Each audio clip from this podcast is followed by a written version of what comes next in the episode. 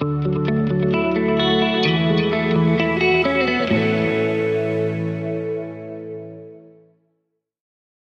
bij de podcast Eveline in Boekenland over de mythes, geheimen en revoluties van het boekenvak. En vandaag is bij mij oude Lucia van den Brink, die in 2020 debuteerde met Niemand Zoals Hij. En uh, in 2022 het boek schreef De Geur van een Moeder.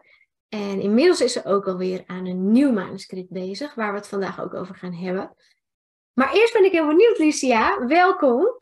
Uh, wat is de mythe over het schrijven van een boek of het verkopen of uitgeven van een boek die jij zou willen ontkrachten? Ik heb vooral nagedacht over de mythe, nou ja, waar, waar ik mee worstelde. En dat is dat ik dacht dat, um, dat ik echt aan de hand genomen zou worden bij het schrijven van een boek op bepaalde vlakken.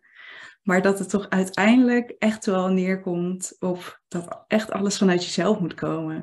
Dus ik wilde het daar eigenlijk een beetje met je over hebben van, ja, wat zijn nou realistische verwachtingen en wat minder realistische verwachtingen? Uh, bij bijvoorbeeld als je bij een uitgeverij binnenkomt, maar ook misschien gewoon bij het schrijven van een boek. Van ja, wat voor hulp, naar wat voor hulp kan je op zoek en wat voor hulp is bijvoorbeeld te veel? Of ja, wat, wat moet je echt zelf doen? Um, dus ik weet, ja, ik weet niet of dat een hele korte mythe is gelijk, maar ja, ik denk dat dat wel heel interessant is. Want ik, ja. mijn ervaring is dat veel mensen eigenlijk geen idee hebben wat er dan uh, gebeurt. Je hebt aan de ene kant mensen die denken, oh, een auteur is in zijn eentje heel hard aan het werken. En dan op een gegeven moment wordt het uitgegeven. Maar wat daar dan tussenin gebeurt, uh, weten ze ook niet altijd. In ieder geval, dat is mijn ervaring als ik zei van ik ben redacteur of ben schrijfcoach. En ik begeleid mensen met het schrijven van een boek. Oh, oh, kan dat dan en bestaat dat dan? Uh, en aan de andere kant hoor ik ook vaak dat mensen bijvoorbeeld bij een traditionele uitgeverij verwachten dat er inderdaad veel meer aan begeleiding plaatsvindt uh, rond het schrijven en het creëren van een boek. Uh, terwijl het heel vaak voorkomt dat het manuscript, nou ja, dat daar niet zo heel veel meer inhoudelijk aan verandert. Ja, dus ik denk dat er, dat er twee fases zijn. Kijk, aan de ene kant heb je natuurlijk het stuk aan werk wat je voorzet, verzet terwijl je een boek schrijft of voordat je een boek schrijft er zijn ook een heleboel mensen die denken van, oh, ik heb een idee voor een boek. Dan ga ik op zoek naar een uitgeverij. Dan gaan zij mij geld geven, of dan gaan ze me gelijk helpen en dan schrijf ik het boek. Maar in de praktijk uh, werkt het vaak helemaal niet zo. Tenzij je een BN'er bent, maar ja, de meeste mensen zoals wij uh, zijn helemaal geen BN'er en uh, ja, hebben dat, dat voordeel niet. Um, dus waar het toch vaak op neerkomt, ook voordat je uitgegeven wordt, is dat je ja, eigenlijk zelf al een heel boek heb geschreven in veel gevallen. Dus ja, je moet het toch echt al van A tot Z best wel hebben staan. Wat ook helpt, want dan kan je het pitchen. Het heeft echt een vorm. Je hebt er misschien al heel veel aan gewerkt. Um, maar dat is misschien een eerste mythe ook in, ja, in die beginsfase.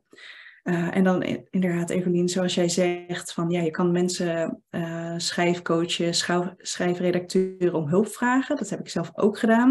Ik heb zelfs uh, soms ook contact gehad met ja, gewoon iemand uit het vak, omdat je op een gegeven moment denkt van ja, ik weet het niet, maar ja, deze persoon weet het wel. Die kent het boekenvak, die weet waar er op gelet wordt. Um, en dat heeft zeker ook mijn manuscript destijds naar, gewoon naar een hoger niveau getrokken. Uh, en dan heb je natuurlijk nog, nou ja, misschien de mensen om je heen die kunnen helpen, die kunnen proeflezen, feedback kunnen geven. Uh, dat kan je natuurlijk weer verwerken. Um, maar uiteindelijk, kijk, er gaat niemand gaat jouw boek schrijven. Dat moet je echt zelf doen. En dat is een heel eenzaam proces, maar natuurlijk ook iets heel moois, want het komt echt helemaal vanuit jezelf. Um, en toen ik uiteindelijk dus wel bij een uitgeverij kwam, dus mijn boeken zijn gepubliceerd bij uitgeverij Amborantos. Nou, dat is een relatief grote uitgeverij. Uh, er zitten schrijvers zoals Herman Koch, Murat Isink, uh, Simone van der Vlucht. Um, dus er zitten een hoop grote schrijvers, maar er zitten ook gewoon kleine schrijvers zoals ik. Um, ja, en, en wat ik toen dacht was, oh, ze gaan mij vast vertellen wat ik niet mag doen en wat ik anders moet, moet doen. Maar eigenlijk was dat helemaal niet zo. Uh, wat natuurlijk ook fijn is, want ja, het is toch een samenwerking. Uh, en, en, ik vond dat ook wel iets bijzonders wat, dat ik dat mocht leren. Dat de uitgeverij ook zoveel vertrouwde op mij als schrijver. Ja, echt zo van, nou ja, kijk, het is jouw boek. Uh, je zou dit en dit kunnen doen, maar ja, het blijft jouw verhaal. Dus dat is ook zeker iets wat ik heb meegenomen en dat is eigenlijk een hele fijne manier van werken. Want wat ik ook wel heb gemerkt is dat als je een suggestie van iemand anders overneemt die niet helemaal past, bij je verhaal of bij jou, ja, dat gaat toch altijd wel schuren. Dus je moet altijd heel goed met jezelf checken van, ja, is, is dit nou wat past bij mijn verhaal? Soms komen mensen bijvoorbeeld, oh, stel je proeflezers, komen ze met uh, feedback. En dan zeggen ze, oh ja, je moet dit zo en zo doen. Maar misschien is niet dan de oplossing uh, het goede wat zij aangeven, maar wel het punt waar ze het aangeven kan heel interessant zijn. En dan kan je alsnog natuurlijk op zoek naar een andere oplossing of verschillende dingen proberen. Dat is ook wel iets wat ik echt uh, geleerd heb. Maar het, het blijft vooral, denk ik, om een boek te schrijven, echt wel een soort van, ja, iets wat je met jezelf aangaat wat veel mensen ook wel weten hoor natuurlijk. Want ja, je moet uh, een onwijs groot project volhouden van jaren. Um, dus dat, dat, dat weten de, meeste mensen ook wel. Um, maar ja, ik had toch dus zelf dat ik allemaal van die mythes in mijn hoofd had. Dat ik dacht van, oh, op deze en deze punten ga ik geholpen worden. En er was wel hulp, maar het was, misschien zag het er anders uit dan ik verwacht had. Ja, ja ik denk, ook daarmee uh, daar zit eigenlijk ook een mythe in. Want ik hoor heel vaak mensen zeggen: Oh ja, maar ik wil geen uitgeverij die voor mij alles gaat bepalen. Uh, dat is soms ook een reden waarom mensen voor zelfpublishing kiezen. Van ik wil zelf mijn cover. Vaak gaat het ook wel over de cover en over de titel. Waarbij natuurlijk de uitgeverij wel een heel duidelijke commerciële insteek heeft. En ook vaak gevoed door de boekhandels met wie ze in het begin al gesprekken hebben. Um, maar ja, daar, uh, als je wil dat je boek verkoopt, kan het ook interessant zijn om daarnaar te luisteren. Uh, maar het is ook goed om te horen dat zo'n traditionele uitgever dus niet op je, op je verhaal zelf een onwijs stempel zet. Ja, en ik denk zeker bij debutanten en mensen die nieuw komen bij een uitgeverij. Ik denk dat ze al wel enigszins verwachten dat het niet gelijk een gigantisch succes gaat zijn. Ik denk dat uitgeverijen heel uh, bewust zijn van, nou ja, Um, we hebben auteurs die geld verdienen voor ons. En we hebben auteurs die eigenlijk, nou ja, die we ondersteunen en waarmee we misschien um, een soort van break-even spelen qua kosten. Maar die misschien in de toekomst een, een, eens een keer een bestseller schrijven. Ja, dat is echt iets waar je naartoe werkt. Dus ik heb ook het idee dat bij de uitgeverij, kijk, tuurlijk is het enigszins commercieel, want zo'n uitgeverij moet blijven bestaan, uh, moet mensen betalen, logisch allemaal. Uh, maar toch, ja, de meeste mensen die bij een uitgeverij zitten, die doen dat wel natuurlijk vanuit de liefde voor het vak, liefde voor verhalen. Uh, als je geselecteerd wordt, ja, noem je dat geselecteerd? Nou, als je bij een uitgeverij binnenkomt, dan is er natuurlijk een redacteur die jouw verhaal mooi vindt of goed, of die er wat in ziet. Um, en, en vaak is dat niet eens, ja, dat hoeft niet per se heel commercieel te zijn. Dat kan ook net een persoonlijke klik zijn. Um, ja, natuurlijk moeten ze er wel iets in zien qua commercie. Ik denk wel, ja, ze kijken wel van wat is de kwaliteit en kunnen we dit verkopen. Uh, maar toch, ja, toch zit er ook gewoon wel een heleboel liefde in het boekenvak. Dus ik denk dat, dat je dat ook niet uh, moet vergeten. Nee, zeker niet. Nee, mooi uh, ja, dat je dat ook aanstipt. Want jij bent dus met je de, debuutroman bij Ambo Antels binnengekomen. Hoe lang had je er eigenlijk aan geschreven voordat je bij de uitgeverij terecht kwam? Weet je dat ongeveer? Ja, heel lang. en het leek ook heel lang te duren. Ik denk dat het ongeveer drie of vier jaar heeft gekost, waarvan ik twee jaar aan een ander boek heb geschreven en dat op een gegeven moment achter heb gelaten, maar uh, door ben gaan aan een ander boek. Um, dus ik denk dat het na drie, drie à vier jaar had ik dan dat tweede boek, uh, nou ja, een soort van eerste versie, daar zoveel mogelijk aan gewerkt. Uh, en dat, werd toen, dat kwam toen bij Ambo Antos, dus dat werd niemand zoals hij. Uh, maar ja, zoals je al hoort, vier jaar. En als je er middenin zit, of als je net in jaar één zit, dan is vier jaar echt on onwijs lang. En je weet niet hoe lang het gaat duren. Het is, het is super onzeker natuurlijk. Um, en hoe lang heb je er toen nog met de uitgeverij aangewerkt? Toen je binnenkwam bij Ambo Antos totdat het gepubliceerd werd, zeg maar? Ook nog wel flink een jaar. Um, ja, dus er stond gewoon een verhaal van A tot Z, maar we hebben toen wel besloten van oké, laten we er samen aan werken en het verbeteren. Nou ja, dat, dat kostte dan een jaar. Uh, en toen is het uitgegeven. Um, en in het hele uitgeefproces zit ook nog wel een bepaalde tijd. Dus dat jaar was dan met deadline tot het inleveren bij de redacteur. Maar daarna krijg je eigenlijk nog ja, verschillende redactierondes. Dus je krijgt nog een bureauredactie, correctieronde, uh, een zetronde van hoe het op papier staat. En tegelijkertijd wordt dan bijvoorbeeld de omslag gemaakt en heb je het over de titel. over de achterflap, dat soort dingen. Dus ik denk in totaal was het misschien wel nog zelfs anderhalf jaar.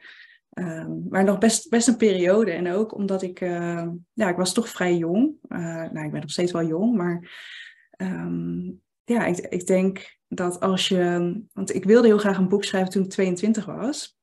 Dus toen ben ik daar eigenlijk mee begonnen. Maar dan is een project van vier jaar, ja, dat is gewoon even lang als je, als je hele opleiding. Dus dat, dat is een onwijs groot iets wat je aangaat in je leven. En ja, als je dat dus echt serieus wilt, um, dan, dan moet je blijven doorzetten en dan moet je ja, daarmee bezig blijven. Uh, maar het is wel echt ja, een groter project dan de meeste van mijn leeftijdsgenoten vaak hadden. Ja. ja, ik kan me ook voorstellen dat je op die leeftijd zo'n ontwikkeling doormaakt. Uh, dat dat ook Nee, soms kan een, ik kan me goed voorstellen dat je inderdaad het andere manuscript op de plank hebt gezet, zonder te weten waar het over gaat. Maar uh, omdat je op een gegeven moment dan ook merkt, ook ik ontgroei een bepaald onderwerp of ik ontgroei een verhaal. Uh, ik ben nu alweer verder en ik heb andere inzichten. En soms kan je die in je verhaal verwerken, die nieuwe inzichten. Maar soms is het ook gewoon, oké, dit, dit, was, dit is wat het was. En ik ga weer door met iets anders. Ja, ik denk dat dat eigenlijk altijd gebeurt. Dat zodra je schrijft, nou ja, kijk, en zo'n boek is een groot project, dan is als je dat project afrondt, is het altijd iets uit het verleden. Dus je kijkt toch terug op je oorspronkelijke idee en een oorspronkelijke tekst en een versie van jezelf uit het verleden. En dat, dat blijft nog wel een heel gek iets. Dus ook als dan een boek uitkomt, dan vragen mensen natuurlijk ja, hoe je daarmee bezig bent en wat er, ja, gewoon wat er speelt voor je rondom dat onderwerp. Maar dat is misschien dan eigenlijk al een beetje een gepasseerd uh, station. Ja, dat kan. Uh, Ik denk niet dat dat erg is, maar het is niet zo uh, directe vorm van communicatie zoals we misschien nu steeds vaker gewend zijn natuurlijk. Zoals bijvoorbeeld, ik zou nu ook een social media filmpje kunnen maken. Nou ja, ik weet niet hoe lang professionele mensen daarmee bezig zijn die heel veel volgers hebben. Maar ik denk toch niet vier jaar bijvoorbeeld. Dus dat is gewoon een hele andere vorm van communiceren. Ja, ja, dat, dat is een heel rare. Ja, op dat moment dat, dat het, je boek verschijnt, is het voor de buitenwereld actueel. Terwijl het voor jou eigenlijk niet meer actueel is. Dat is eigenlijk wel een heel gekke, gekke gewaarwording. Ja, het, gaat, het is asynchroon eigenlijk. Ja, ja, interessant. En ik ben ook wel benieuwd, hoe, hoe kwam je dan zo bij Ambo Anders terecht? Kan je, daar, kan je daar iets meer over vertellen? Ja, zeker. Ehm, ik, had, ik had een paar connecties bij uitgeverijen opgedaan. Ja, ik ging wel eens naar bepaalde evenementen waar dan debutanten waren en dan hun redacteur of um, schrijversdagen. Ja, je, je hebt soms dingen waar redacteuren zijn, dan kan je ze spreken.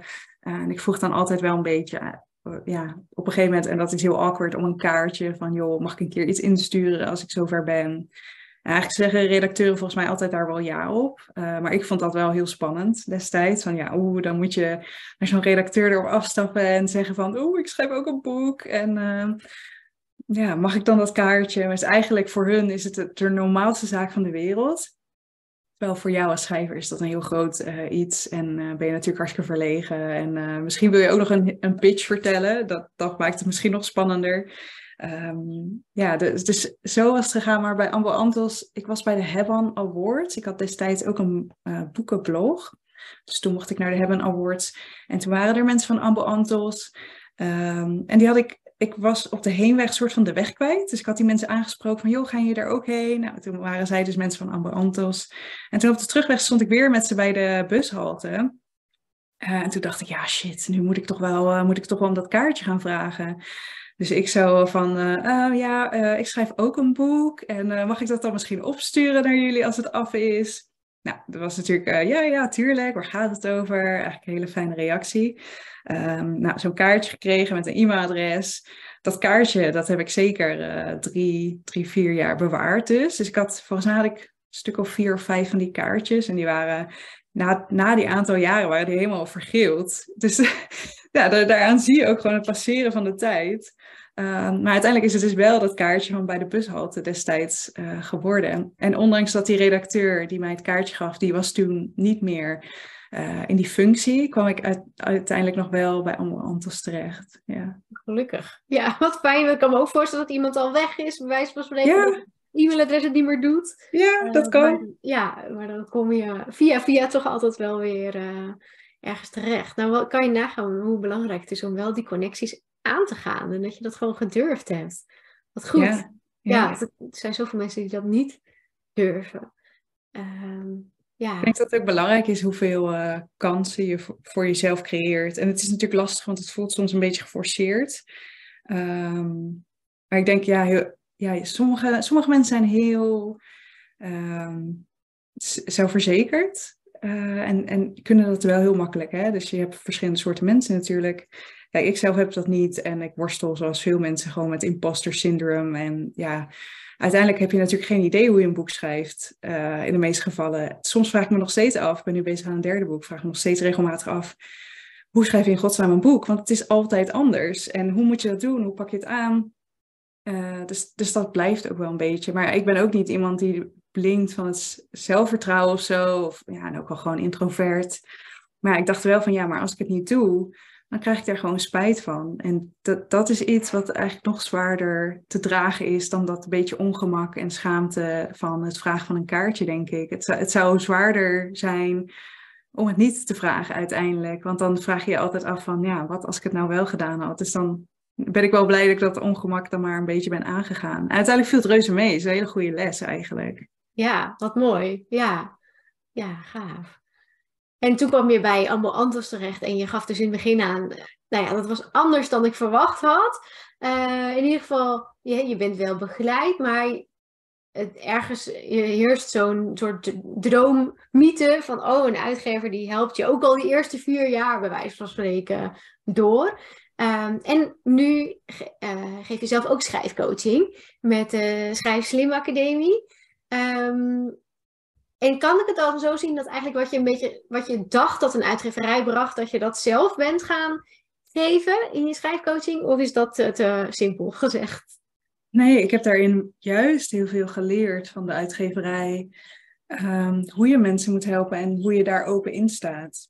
Um, want ik heb ook wel, ik heb ook wel redacteuren, met redacteuren samengewerkt die dan heel pushy waren en heel erg van nee, het moet zo, het moet zo, het moet zo. Um, maar ik merkte dan als schrijver dat dat wrong voor mij. En dat als ik het dan ging uitwerken, dat het echt niet werkte. En dat het iets was waarmee ik zelfs gewoon niet kon leven. Dan wilde ik dat hele boek al niet meer. Dus dat, ja, dat leerde mij ook wel weer van, er is niet één waarheid over wat een goed boek is. Uh, en de enige waarheid die je hebt is jezelf en wat je wilt schrijven. Dus wat ik probeer met schrijfcoaching is mensen daarin te helpen. Om ook ja, het is een beetje een soort van om de dans met jezelf aan te gaan. In, nou ja, stel je hebt last van imposter syndrome. Hoe ga je, daar, hoe, ga je, daarmee, ga je daarmee om? Uh, maar ook sommige mensen hebben last van dat ze het allemaal nieuwe ideeën krijgen en dan zeg maar niks afmaken. Nou ja, hoe bouw je een routine op? Um, dus ja, op, op die manier probeer ik heel erg psychologie en, ja, en schrijven en mijn ervaring natuurlijk, wat ik heb meegemaakt als schrijver, maar ook Um, nou ja, ook, ook terwijl ik andere mensen help, probeer ik dat soort van te combineren. Dus um, ik probeer te combineren ook met dingen die, die we weten uit de wetenschap. Dus ik vond schrijven soms best wel, en al die schrijftips online soms best wel vaag. Dat ik dacht van ja, um, dat kan iemand wel zeggen, maar ik, ik weet niet of dat zo is.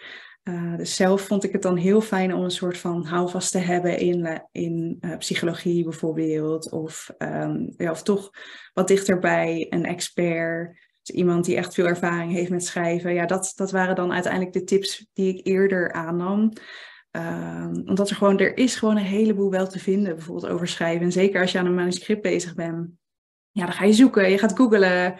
En je vindt het enige, het ene tegenstrijdige advies en dan, krijg je, ja, en dan vind je weer een ander advies en dat spreekt elkaar allemaal tegen. En wat, wat ga je nou doen? Waar ga je nou in geloven? En uh, ja, ik probeer daar soms zelf ook als coach, maar ook als iemand die content maakt over schrijven, wel een beetje weerstand aan te bieden van ja, um, als in er is niet één waarheid per se, um, maar ook uh, de dingen die we wel weten, nou ja, laten we die dan in ieder geval proberen te gebruiken, ja, zeg maar op zo'n manier. Ja, mooi. Ja, daar kan ik me ook heel erg in vinden. Ik probeer ook vaak uh, aan mijn coaches mee te geven. Want ik weet niet hoe jouw boek eruit moet zien. Ik weet niet hoe jouw verhaal gaat lopen. Soms kan me ja, heel erg voorstellen dat mensen zoiets hebben van... Ja, maar ik ga naar jou toe jij gaat me helpen. En jij, want jij weet het beter. Jij weet hoe het moet. Maar ik weet niet hoe jouw verhaal gaat lopen. Dat gaan we ontdekken. En soms ga je dan ook uh, een, een verkeerde richting in. Uh, en, maar dat weet je nog niet. Dat, dat weet je pas als je die uh, zijweg ingaat. Dat, oké, dit is niet de weg die we willen. Maar dan weten we wel weer iets meer over welke kant je wel op wil. Uh, En inderdaad, dat, die onzekerheid aandurven gaan. Ja, is eigenlijk hetzelfde ongemak als uh, wat ik net noemde van ja, jezelf pitchen bij een redacteur. Is ook een soort van dat ongemak aangaan van het on, ja, de, de onzekerheid en de onwetendheid. Um, want ja, dat, dat hoort er misschien gewoon wel bij. En juist natuurlijk door dingen verkeerd te doen, door afgewezen te worden, door te falen. Ja, dat zijn eigenlijk hele, hele goede lessen waaruit je altijd kan leren als je er naar durft te kijken. Ja, en vaak vooral bij business coaching hoor je dan wel, of bij business boeken bedoel ik, um, zit ook wel vaak bij uh, coaches de, ja, de, de, hoe moet ik dat zeggen, het verlangen dat als ik een schrijfcoach inhuur, dan uh, gaat het sneller. Weet je, dan hoef ik niet twintig manieren uit te proberen. Dan uh, zegt zij hoe het moet. En dan ga ik dat volgen. En dan kost het me geen jaren, maar dan kost het me geen vier jaar, maar vier maanden. En dat, sommige mensen kunnen dat. Nou ja, hartstikke goed. en dan denk ik ook, nou, daar is ook al wel wat denkwerk aan vooraf gegaan waarschijnlijk. En, maar hoe, hoe zie jij dat? Ja, hoe zie jij de schrijfcoaching daarin? Ehm, denk je dat het sneller gaat? Of denk je dat, wat is de meerwaarde van, van het uh, wel iemand aan de hand nemen, bij wijze van spreken, uh, stap voor stap door dat schrijfproces? Ja, ik denk dat hier ook weer zo'n mythe in zit. Als, en de mythe hier is dat schrijven een uh, soort van lopende bandsfabriek is. Waar als je zeg maar, de machine harder laat draaien, dat er dan meer uitkomt. Um, en ik denk dat schrijven is een proces waarin dat niet zo werkt. Uh, maar ik weet dat, kijk, wij als maatschappij zijn daar heel erg in gaan geloven. Van alles moet sneller, alles moet efficiënter, alles moet beter. Um, en dat werkt tot op een bepaalde hoogte natuurlijk. Want je kan, nou, ik heb nu zelf bijvoorbeeld een moestuin. Ja, dan ga je ook wel leren dat wat je in de supermarkt koopt, uh, wat heel snel geproduceerd wordt en ja, met allemaal kunstmest en weet ik het, dat het toch echt wel qua kwaliteit wat anders is dan wat ik in mijn moestuintje verbouw. En hun product is snel en ze kunnen er snel geld aan verdienen, maar mijn product is lekkerder en ja, oké, het kost wat meer tijd, uh, ik stop er zelf veel energie in. Maar uiteindelijk krijg je er dus iets, iets beters uit. Dus in die zin is het denk ik ook altijd belangrijk om op zoek te gaan naar die balans in de twee. Want natuurlijk, je wil vooruit blijven gaan. Je wil een soort van productiefabriek zijn op een bepaalde manier.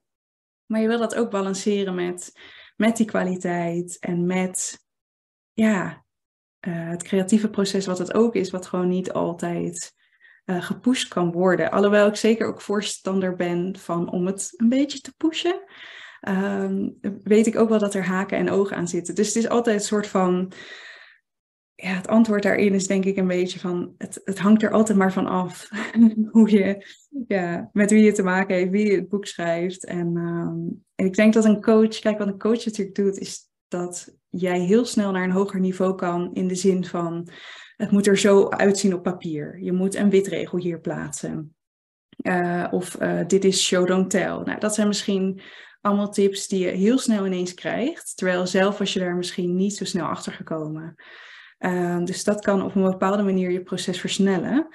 Maar misschien zijn dat nou niet de allergrootste dingen. Want misschien het allergrootste ding is, nou ja, hoe haal je dat verhaal uit jezelf en hoe, uh, nou ja, hoe, in eerste instantie, hoe haal je dat dus uit jezelf, maar daarna ook, hoe breng je dat over op de buitenwereld? Hoe geef je dat vorm?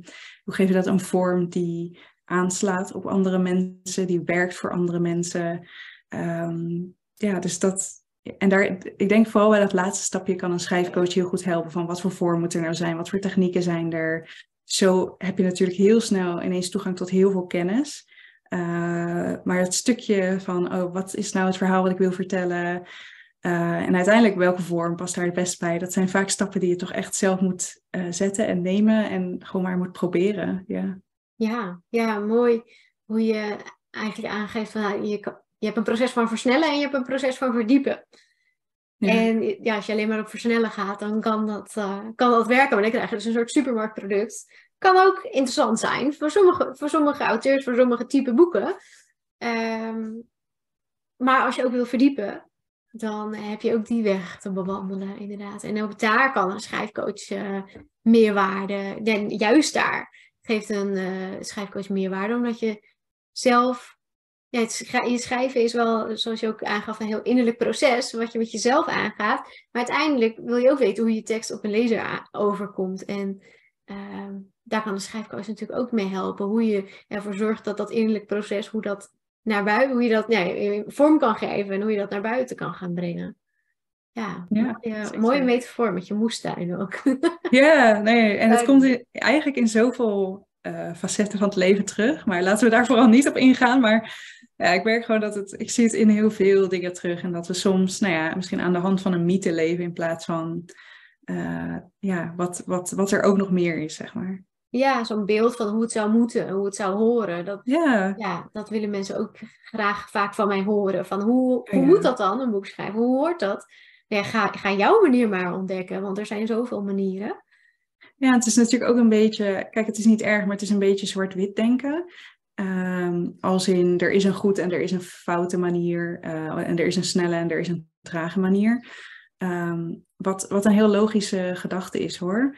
Maar uh, ja, vaak, vaak zijn dingen natuurlijk niet zo zwart-wit.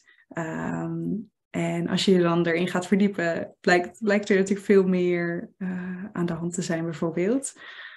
Ja. Ja.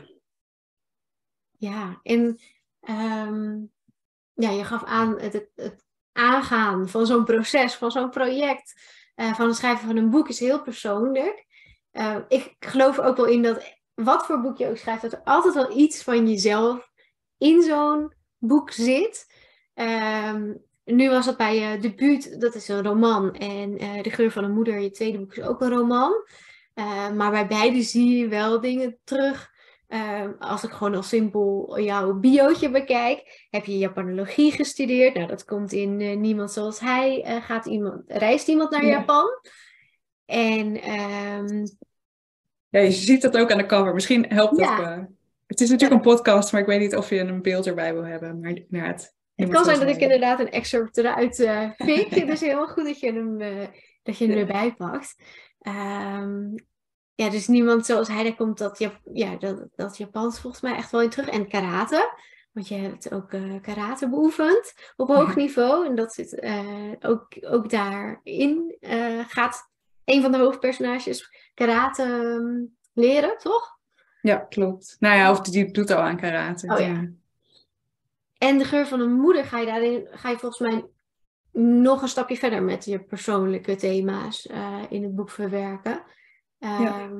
ja, daarin merkte ik vooral echt in het begin van het verhaal, in de jeugd van het hoofdpersonage, wat eigenlijk in een onveilige uh, thuissituatie leeft, dat daar wel heel veel van jouzelf uh, in terugkomt. Ja, hoe, en... dat, ja, hoe was dat voor jou om zoiets, zoiets persoonlijks en eigens in je, in je boek te verwerken? Ja, heel moeilijk, want eerst lukte dat me niet. Um, dus ja, eigenlijk wat, wat ik kon met mijn boeken, dat gaf ook heel erg aan wat ik kon in mijn hoofd. Dus ik, ik, er zitten wel stukjes in van uh, ja, die eigenlijk ook, die juist dieper worden uitgewerkt in het tweede boek. Dat zit ook in het eerste boek. Um, maar ik heb het eerste boek was veel luchtiger en veel meer van, oh, we gaan naar Japan en we hebben karate. En dat waren een soort van houvasten.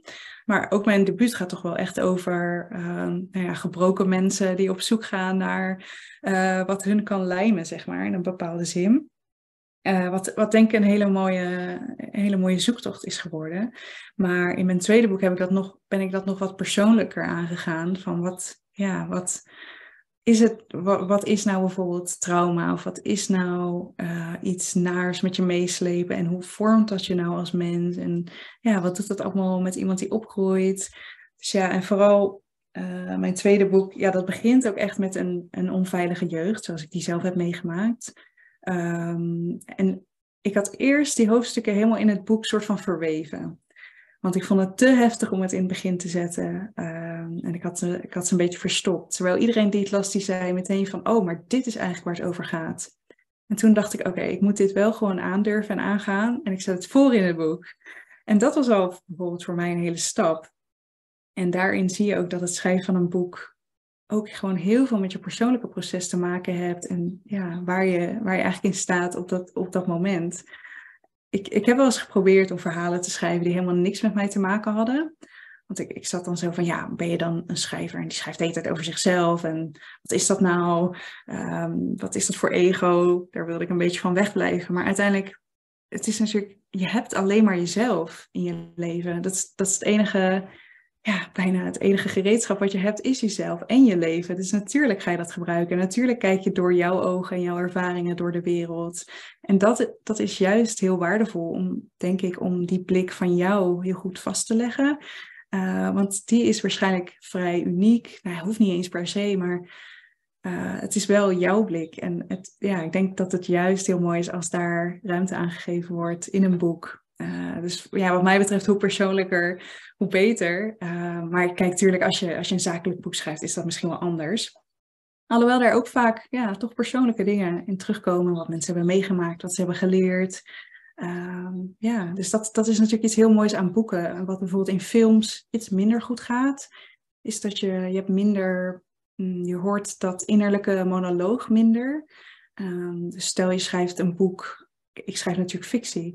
Uh, en stel je schrijft in fictie vanuit de ik-vorm, ja, dat, dat kan super persoonlijk zijn. En dan kan je echt iemands gedachten haast lezen. Uh, en dat is gewoon iets wat ik heel bijzonder vind aan uh, fictie. en iets wat, wat ik gewoon minder goed terugzie in andere vormen van media, zoals films. Ehm, ja, dus, dus dat is wel heel mooi gewoon aan een boek. Ja, mooi hoe je dat zegt. Het is het enige instrument eigenlijk wat je hebt maar dat, maakt, dat is ook vooral wat het uniek maakt. Uh, terwijl um, vaak hebben mensen het idee van ja, maar wat, mijn blik is helemaal niet zo interessant.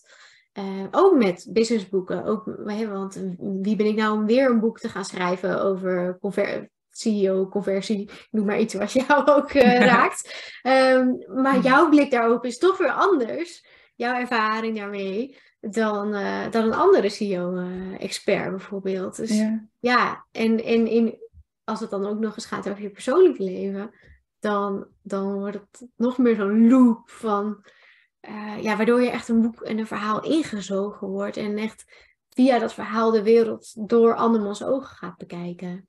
Ja, ik weet niet of je dat. Um, je hebt zo'n Venn-diagram. Dus dat zijn drie van die cirkeltjes van Ikigai. Dus dat is een Japans concept. Volgens mij gaat dat er heel erg over van, ja, wat vind je leuk om te doen? Waar kan je geld mee verdienen? Uh, en waar heeft de maatschappij behoefte aan? Volgens mij zijn dat soort van de drie cirkels. En wat elkaar dan ergens in het midden raakt, ja, dat is uiteindelijk een soort van uh, nou, iets waar je heel veel passie bij kunt voelen. Of iets wat, wat het heel goed kan doen voor de wereld. Um, dus je moet eigenlijk juist op zoek naar al die facetten van jezelf. En, en wat ligt daar in het midden van nou ja, alles wat jij bent, uh, wat interessant is voor de wereld. Ja, mooi. Ja. En wat hielp jou om dat proces aan te durven gaan uh, met het schrijven van de geur van de moeder? Hmm, ja, goede vraag. Dus ik denk aan de ene kant dat het gewoon te maken heeft ook met hoe je je ontwikkelt als persoon. Kijk, ik wilde iets over trauma vertellen, maar ik had daar ook wel gewoon last van in, in mijn dagelijks leven. Dus ik had bijvoorbeeld PTSS eh, en ik heb daar ook therapie voor gehad. Um, maar voordat ik die therapie had gedaan, kon ik er eigenlijk niet zo goed over praten. Nou, toen uiteindelijk ging dat makkelijker. Dan kon ik natuurlijk ook makkelijker dat boek schrijven. Um, dus, dus dat was aan de ene kant een heel persoonlijk proces. En ook wat mij hielp was om het nou, in stapjes te doen. Dus zoals ik al zei in mijn eerste boek, wilde ik ook wel met dit onderwerp aan de slag, maar op een minder uh, confronterend niveau. Dus iets verder weg. Um, en, en ja, bijvoorbeeld een van de hoofdpersonages daar is 70 jaar oud. Ja, dat stond heel lekker ver van me af. Ik was destijds 25 jaar oud. Uh, het was een man. Ja, dus ik koos een hoofdpersonage wat ver van me weg stond.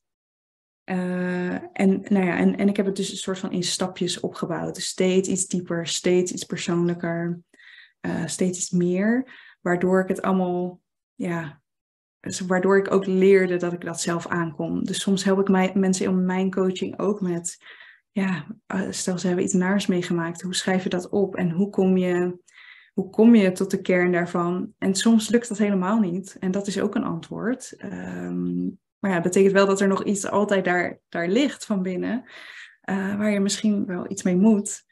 Uh, maar ja, het kan dus heel erg helpen om het op te delen, kleiner te maken. Uh, schrijven is op zich heel veilig. Kijk, als je het voor jezelf doet, niemand die je daarop gaat beoordelen, vooroordelen. Dus het is eigenlijk echt van jou. Um, en dat vind ik heel mooi aan schrijven, dat het voor mij echt de ultieme vrijheid is. Ik kan schrijven wat ik wil. Tuurlijk, als het naar een uitgeverij moet of naar de buitenwereld, wordt dat misschien een ander verhaal. Maar als ik gewoon hier in mijn schrijfkamertje zit en ik schrijf wat ik wil, ja, er is niemand die, dat mij, die mij tegenhoudt. Uh, en, en dat is toch wel een fantastisch gevoel. Ja, ja, dat is ook vaak een van de adviezen die ik geef. Inderdaad, schrijf het eerst voor jezelf, alsof niemand meekijkt en alsof je er niks verder mee hoeft in de buitenwereld. Uh, dat niemand het hoeft te gaan lezen. Maar als je het eerst al ruw voor jezelf opschrijft, dan wordt het zoveel makkelijker om vervolgens te kijken: hey, wil ik hier iets mee? En in wat voor vorm kan ik dat kneden? Uh, dan wanneer er nog niks ligt en je dat allemaal in je hoofd gaat zitten bedenken, waardoor er waarschijnlijk niks uit je handen komt. Uh, dat zie ik in ieder geval heel vaak gebeuren. Dus ja, heel mooi om te horen dat je die, die vrijheid zodanig ervaart. Uh, om, om eerst gewoon heel lekker voor jezelf te gaan schrijven. Uh, en dat doe je dus in stapjes, zei je. Wat, wat is de volgende stap? Want je bent met een nieuw manuscript ook uh, bezig. Wil je daar wat meer over vertellen? Ja, dus ik wilde daar eigenlijk nog een stap zetten en nog een soort van eerlijker en rauwer vertellen. Um, het, is, het is nu nog wel heel erg vers en nieuw. Uh, dus dan, ja, als je aan het schrijven bent aan een nieuw boek, is het natuurlijk heel erg zoeken. En Virginia Woolf omschreef dat volgens mij als dat je in het donker loopt uh, met zo'n met zo'n kaars als lampje eigenlijk in je hand. Uh, en dat je ja, eigenlijk juist door in het donker te stappen dan eigenlijk weer ook een stukje verlicht. Um, maar ja, je moet wel echt in dat donker stappen. Dus dat is natuurlijk als je schrijft, ja, moet je best wel met dat, met dat donker omgaan. En met het niet weten en met niet weten waar het uitkomt. En aan de ene kant is dat iets heel vrijs en moois, maar het is ook wel heel spannend. En ja, je, je weet gewoon niet waar het eindigt. Het is niet zoals die fabriek waar we het net over hadden, dat je weet van uh, er komt een, uh, wat voor soort courgette eruit komt. Ja, dat is gewoon wel, echt, wel echt anders. En ja, dus dat ongemak daarin moet je ook aangaan en, en, durven dwalen als het ware ook. En durven fouten maken en leren en groeien en dat hele proces aangaan. Ja, gaaf. En nu, uh, we hebben het al eerder over je boek gehad, dus ik weet een beetje dat je nu ook aan het kijken bent of je het misschien zelfs in een non-fictievorm uh, over kan gaan schrijven. Hè? Want uh, fictie, kijk, zoals ik al zei, eerst schrijf je de dingen gewoon voor jezelf, zoals jij ook merkt, hé, hey, ik wil hier iets mee, ik zit hiermee, uh, doet iets met me, dus ik wil daarover gaan schrijven. En fictie kan dan een hele mooie vorm zijn om dat in te gieten en een, een metafoor uh, zoals in De Geur van een Moeder uh, gaat het hoofdpersonage de scheldwoorden die haar toegeroepen zijn uh, op zichzelf tatoeëren. Dat is natuurlijk een, ja, het is haast ook geen metafoor, het is haast ook letterlijk wat er nou in het echte leven figuurlijk gebeurt. en daardoor is het een heel mooi gevonden vorm. Ehm, ja, om, om om inzichtelijk te maken hoeveel het met iemand doet als al die woorden je, ja, op een gegeven moment dat je die als het ware draagt als een jas door je hele leven heen, terwijl dat onzichtbaar blijft. Dus in die vorm, ja, in die zin geeft fictie heel veel handvatten en mogelijkheden om, om je verhaal te kneden en uh, op een andere manier te vertellen wat je wil, eigenlijk wil, wat je bedoelt. Ja, te laten zien wat je bedoelt, dat vooral. Um, hoe, hoe is het voor jou om, om nu te spelen en te dwalen met een uh, non-fictievorm? Misschien wordt het uiteindelijk wel fictie, dat weten we nog niet. maar uh, ja, hoe, hoe ervaar jij dat? Ja, dat zoeken. Uh, want een non-fictietoon is anders. Inderdaad, je gebruikt andere middelen om een punt te maken. Uh, en dat is nou iets waarin ik weer iets kan leren. Dus voor mij is het ook alweer een mooie uitdaging. Uh, maar het is, het is ook zoeken van, oh ja, hoe doe ik dat dan? Hoe schrijf ik dat dan op? En uh, hoe blijf ik iets meer weg van dat figuurlijke, abstractere? En hoe maak ik het juist meer concreet? Uh, ik heb wel een studie journalistiek gedaan, dat helpt nog wel een beetje. Maar ja, toch, ja, het, is, het is wel weer een, een, iets nieuws leren. En ik denk dat dat ook het mooie is aan schrijven, dat je altijd wel jezelf weer kan pushen, iets nieuws te gaan leren. Uh, of iets nieuws te ontdekken of iets nieuws te proberen. Er zijn ook een heleboel schrijvers die op een gegeven moment, ja, dat hoor je dan vaak, dat ze dan succes hebben. En dat ze dan dat trucje een soort van blijven toepassen. En dat, dat het publiek dat ook op een bepaalde manier van ze vraagt. Uh, en dat ze, maar dat ze daar op, op een gegeven moment zelf ook niet meer van af durven wijken. Dus dan heb je een soort van ja, een gekke vorm van een soort van confirmation bias. Dat je de hele tijd jezelf blijft bevestigen. En, ja, maar hetzelfde blijft doen omdat het werkt.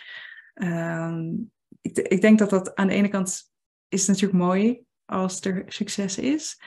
Uh, maar dat dat ook wel echt een valkuil kan zijn. Uh, want hoe zorg je er nou voor dat je als schrijver en als mens altijd blijft leren, groeien, ontdekken. Nou ja, en in dat donker lopen. Ik ben daar altijd wel toch wel naar op zoek. Ja, en ook om creativiteit te laten stromen. Dat gaat zoveel fijner als, er, als alles mogelijk is. Als je niet al bepaalt van oké, dit wordt een non-fictieboek. En misschien je, je, intentie is, hey, laten we eens kijken wat er gebeurt als ik non-fictie ga schrijven. Ehm, maar ik vind het altijd fijn om, het niet, om niet, geen dingen uit te sluiten. Ik heb dat in ieder geval wel bij het uh, schrijven van mijn eigen boek gemerkt. Dat ik merkte van oké, ik ga het eerst voor mezelf schrijven. Eerst hoeft het nog niet eens een boek voor mij te worden.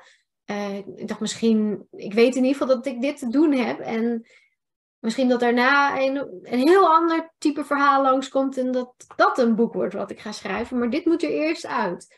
Uh, en, en of het nou in deze vorm is of in een andere vorm, of het krijgt helemaal geen vorm, het belandt ergens in mijn prullenbak, dat kan ook. maar dat biedt wel een hele hoop uh, vrijheid en ook ja, creatieve ruimte die je nodig hebt om, om te scheppen. Ja, ja, dus dat ja zeker. mooi hoe je dat aangaat en hoe het bij jou inderdaad want dat hoor je vaak, hè, dat het na een uh, succes, dat, dat, dat er een soort uh, ja, doemdenken ontstaat. Van ja, dat lukt me nooit meer. Of ja, nu moet ik het net zo doen. Uh, dat, ja, dat schrijvers en kunstenaars daar ook op vastlopen. En met jouw eerste boek had je natuurlijk vier jaar aan gewerkt. Je had een traditionele gerenommeerde uitgeverij gevonden. Je had de Herban debuutprijs gewonnen. Um, Alleen genomineerd op de shortlist. Niet gewonnen, oh, helaas. Niet gewonnen. Oh, ik mag hem langskomen. je bent genomineerd voor de Herman de Buurtprijs. Um, merkte je bij de geur van een moeder, toen je dat boek ging schrijven, dat je nog, merkte je daar nog enige, um, ja, dat je nog een beetje werd tegengehouden door het succes van je eerste boek? Of dacht je, was je vrij snel van, oké, nu gaan we een stapje verder en een laagje dieper? Ik merkte wel dat ik automatisch eerst dezelfde fouten ging maken. Tenminste, de dingen waarvan ik in mijn debuut echt dacht van, oh, dat wil ik volgende keer beter doen. Dat ik daar toch nog in diezelfde valkuilen stapte. Uh, maar dat ik er wel bewuster van was van, oké, maar dat is wat ik niet wil deze keer. Uh, dus wat ga ik dan doen? Nou, dat kost natuurlijk enorm veel energie, want het is op een bepaalde manier makkelijker om in je valkuilen te stappen, denk ik. Uh, maar ja, wat, wat ga je doen? Wat, wat is dan niet die valkuil? En uh, hoe, hoe ga je het dan aanpakken? Wat, wat is een voorbeeld van zo'n valkuil waar je, waar je bij je eerste boek instapte en bij je tweede ook bijna weer? Um, dat had te maken met personage en dat ik het niet heel dicht bij mezelf durfde te laten komen. Dus in Niemand Zoals Hij had ik eigenlijk twee personages die vrij ver van me afstonden. Um, en toen deed ik dat in de geur van een moeder weer. Toen dacht ik van, oh, ik ga een heel stoer personage neerzetten. Um, terwijl juist, uh, ik ben helemaal niet zo stoer, maar ik durf dat helemaal niet te omarmen op een bepaalde manier. Maar juist door dat wel te doen en op een gegeven moment juist wel een kwetsbaarder personage het verhaal te laten vertellen en ervaren. Toen werd het juist een stuk echter, een stuk mooier. Want anders kwam het toch niet helemaal, kwam het niet helemaal binnen. Uh, maar ik, ik, durfde dat eerst niet. Dus ja, dat was een beetje mijn valkuil. Om het echt dichtbij te laten komen. En om dat personage ook op mij te durven laten lijken. Mooi. Mooi. Ja, en dan is inderdaad volgens nog meer vanuit jezelf schrijven. Dus non-fictie is nog weer een stap, uh, een stap verder. Ja. En waar zit je... Ja, wat, hoe zou... Ik even te denken wat een fijne vraag is richting... Uh, um, richting een nieuwe manuscript. Want je zit nu nog echt in die, in die zoekfase. Um, ja, wat is je intentie voor de lezer? Ik kan me voorstellen, je mag ook zeggen, nou zover ben ik echt nog niet. Maar, want het ligt nu nog heel dicht bij jou. Maar wat is je intentie voor de lezer? Dat je denkt, nou als mijn boek over x jaar af is en het kan dit teweegbrengen, dan zou ik dat onwijs mooi vinden. Ehm, ik denk dat dat toch wel vergelijkbaar is met die andere boeken ook. Dat ehm, ik zou graag door mijn verhaal te vertellen, of nee, laat ik het zo zeggen. Doordat ik mijn verhaal vertel, is het ook een uitnodiging voor andere mensen om hun verhaal te vertellen. Dus ik denk dat, ehm, ja, ik, ik, zie mezelf dan misschien een beetje als een soort van voorbeeld, wat misschien heel gek klinkt, maar er kwamen juist een heleboel mensen na, uh, na die boeken op me af van, oh, ik vond het zo mooi, of het raakte me zo, of ik heb echt gehuild bij wat ik heb geleerd van je boek. En ik denk dat dat komt omdat mensen toch ook een stukje van hun eigen verhaal dan erin herkennen, of Ehm, ja, of, of, daar, ja, of dat, dat er iets persoonlijk is wat hen raakt. En natuurlijk zijn er altijd mensen waarbij dat niet gebeurt. En dat is prima. Mijn boek hoeft ook niet voor iedereen te zijn. Uh, dat, dat is helemaal niet mijn doel. Maar als het een paar mensen raakt en misschien laat zien van hé, hey, zo'n verhaal kan zo'n soort impact hebben of kan dit met je doen. Ik vind dat al een heel, heel mooi iets. Uh, dus ik denk dat dat allereerst een intentie is. Um, en ten tweede is een soort van, ja, wil ik altijd toch een soort van bewustzijn creëren over bepaalde onderwerpen. Er zijn gewoon een heleboel onderwerpen in onze, ook in onze samenleving waar we misschien te weinig over praten. Uh, dus dat heeft zeker ook te maken met uh, wat als je als kind mishandeld wordt? Wat als je als kind uh, emotioneel mishandeld wordt? Wat doen dat soort dingen nou met een mens? En hoe diep gaat dat? Um, en hoe kunnen we mensen die dat hebben ervaren helpen? Of ja, dus daar ben ik ook wel heel erg mee bezig met. Ik wil dat, dat mensen daar bewuster van zijn en dat we daar niet zo snel overheen stappen. Want het zijn geen kleine dingen, alhoewel we wel graag zouden willen dat het kleine dingen zijn, denk ik. Of het, ja, sommige onderwerpen willen we gewoon liever van wegkijken. Uh, en nou ja, ik draag gewoon heel erg zo'n onderwerp met me mee. Maar ja, natuurlijk niet alleen ik. Er zijn heel veel verhalen. Uh, die, die belangrijk zijn en waar we allemaal wat bewuster over mogen worden. Dus ja, dus ik denk die twee, die twee dingen. Dus andere mensen uitnodigen hun verhaal te vertellen, maar ook een stukje bewustwording. Ja, mooi.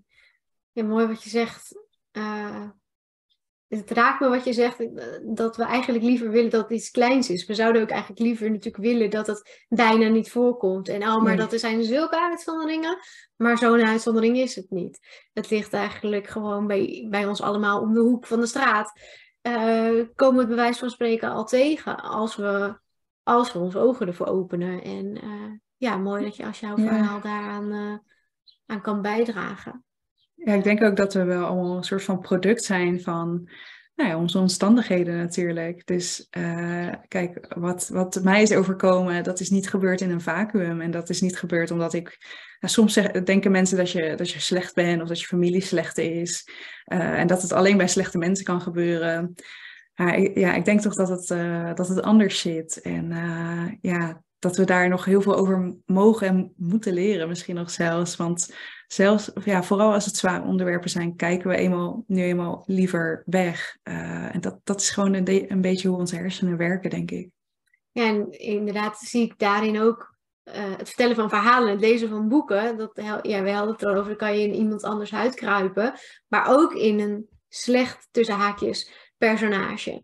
En ik vind het juist in een roman altijd interessant. Niemand is zomaar slecht. Niemand is alleen maar zomaar slecht. Uh, zelfs in sprookjes niet. Dus hè, waar, waarom, waarom doet diegene dat? Waarom, dus ja, juist door uh, in boeken zijn de ultieme vorm om zicht daarop te krijgen. En waardoor je zelfs voor een tussen haakjes slecht personage een medeleven kan voelen. En het ook wil dat het hem of haar goed gaat. Um, en dat het met dat goede personage misschien maar wat minder gaat, bij wijze van spreken. Um, ja, dus dat heeft een mooie. Ik denk dat dat mooi in elkaar, in elkaar grijpt, inderdaad. We zien het vaak graag zwart-wit, maar zo is het natuurlijk in de werkelijkheid nooit. En boeken zijn wel het ultieme medium om daar de diepgang in te geven en ook het, ja, het hele spectrum, niet alleen zwart-wit, maar alle kleuren die daartussen zitten, ja. te laten zien. Ja, mooi. Dankjewel voor dit gesprek. Ja, jij ook bedankt. Het was een heel fijn gesprek. Ja, is er nog iets wat je tenslotte aan de lezer mee wil geven? Uh, aan de lezer, aan de luisteraar. Aan de luisteraar, ja, We hebben het altijd over lezers. Nee. Ja, wat je aan de luisteraar mee wil geven, inderdaad. Als, als iemand bijvoorbeeld uh, ja, echt op het punt staat van ik wil een boek schrijven, wat, wat, kan die, mhm. wat zou je diegene mee willen geven? Ehm, ja, om toch maar een beetje tegen alle mythes in te gaan en sowieso te doen wat bij je past. Kijk, vaak hebben mensen als ze een boek willen schrijven dat er echt wel een brandend verlangen is om dat te doen. En ik vind het heel belangrijk dat mensen dat ook doen. Uh, ik vind het belangrijk dat mensen hun verhaal vertellen, wat voor verhaal dat ook is. Het hoeft niet een gigantisch traumaverhaal te zijn, het kan ook een heel blij verhaal zijn. Maar als het gewoon iets is waarmee je bezig wilt zijn, doe dat alsjeblieft. Want de wereld raast maar door en je moet boodschappen doen en je moet uh, naar werk. Uh, maar doe alsjeblieft iets voor jezelf en luister naar jezelf. Um, want als jij het niet doet, wie gaat het dan doen? Dus dat is zeker iets wat ik zou willen meegeven. En er zijn natuurlijk een heleboel tools en handvaten om dat te doen. Nou ja, daarom helpen wij beiden natuurlijk ook mensen met schrijven. Uh, maar ja, dat is wel echt het belangrijkste voor mij. Van ja, als je een boek wil schrijven en je hebt zo'n verhaal in je, luister daar alsjeblieft naar. Maak er tijd voor vrij. Neem het serieus, want dat mag. Uh, want ja, jouw verhaal mag er zijn, evenals jij. Dankjewel. Super, super fijne, mooie boodschap waarmee, uh, ja, waarmee je iedereen uh, aan het schrijven zet, volgens mij. Die Ik hoop het, ja. Te luisteren. ik wil je ontzettend bedanken voor dit gesprek. En heel veel succes met het schrijven van je derde boek. En van nog veel meer hoop ik dat we van je kunnen gaan lezen. Ja, dankjewel. Ja. Wil je meer weten over de boeken en schrijfcoaching van Lucia? Kijk dan op luciavandenbrink.nl. En je kunt er ook volgen op Instagram uh, via de schrijfslim.academy. En daar vind je mij ook uh, als schrijfcoach Eveline. En het lijkt ons heel erg leuk als je ons daar kan laten weten wat je van deze podcast hebt gevonden. Wat, uh, ja, wat vond je interessant? Waar heb je nog vragen over? Kom met ons in contact, volg ons, we volgen je terug en uh, we horen heel graag hoe we jou verder kunnen helpen met schrijven.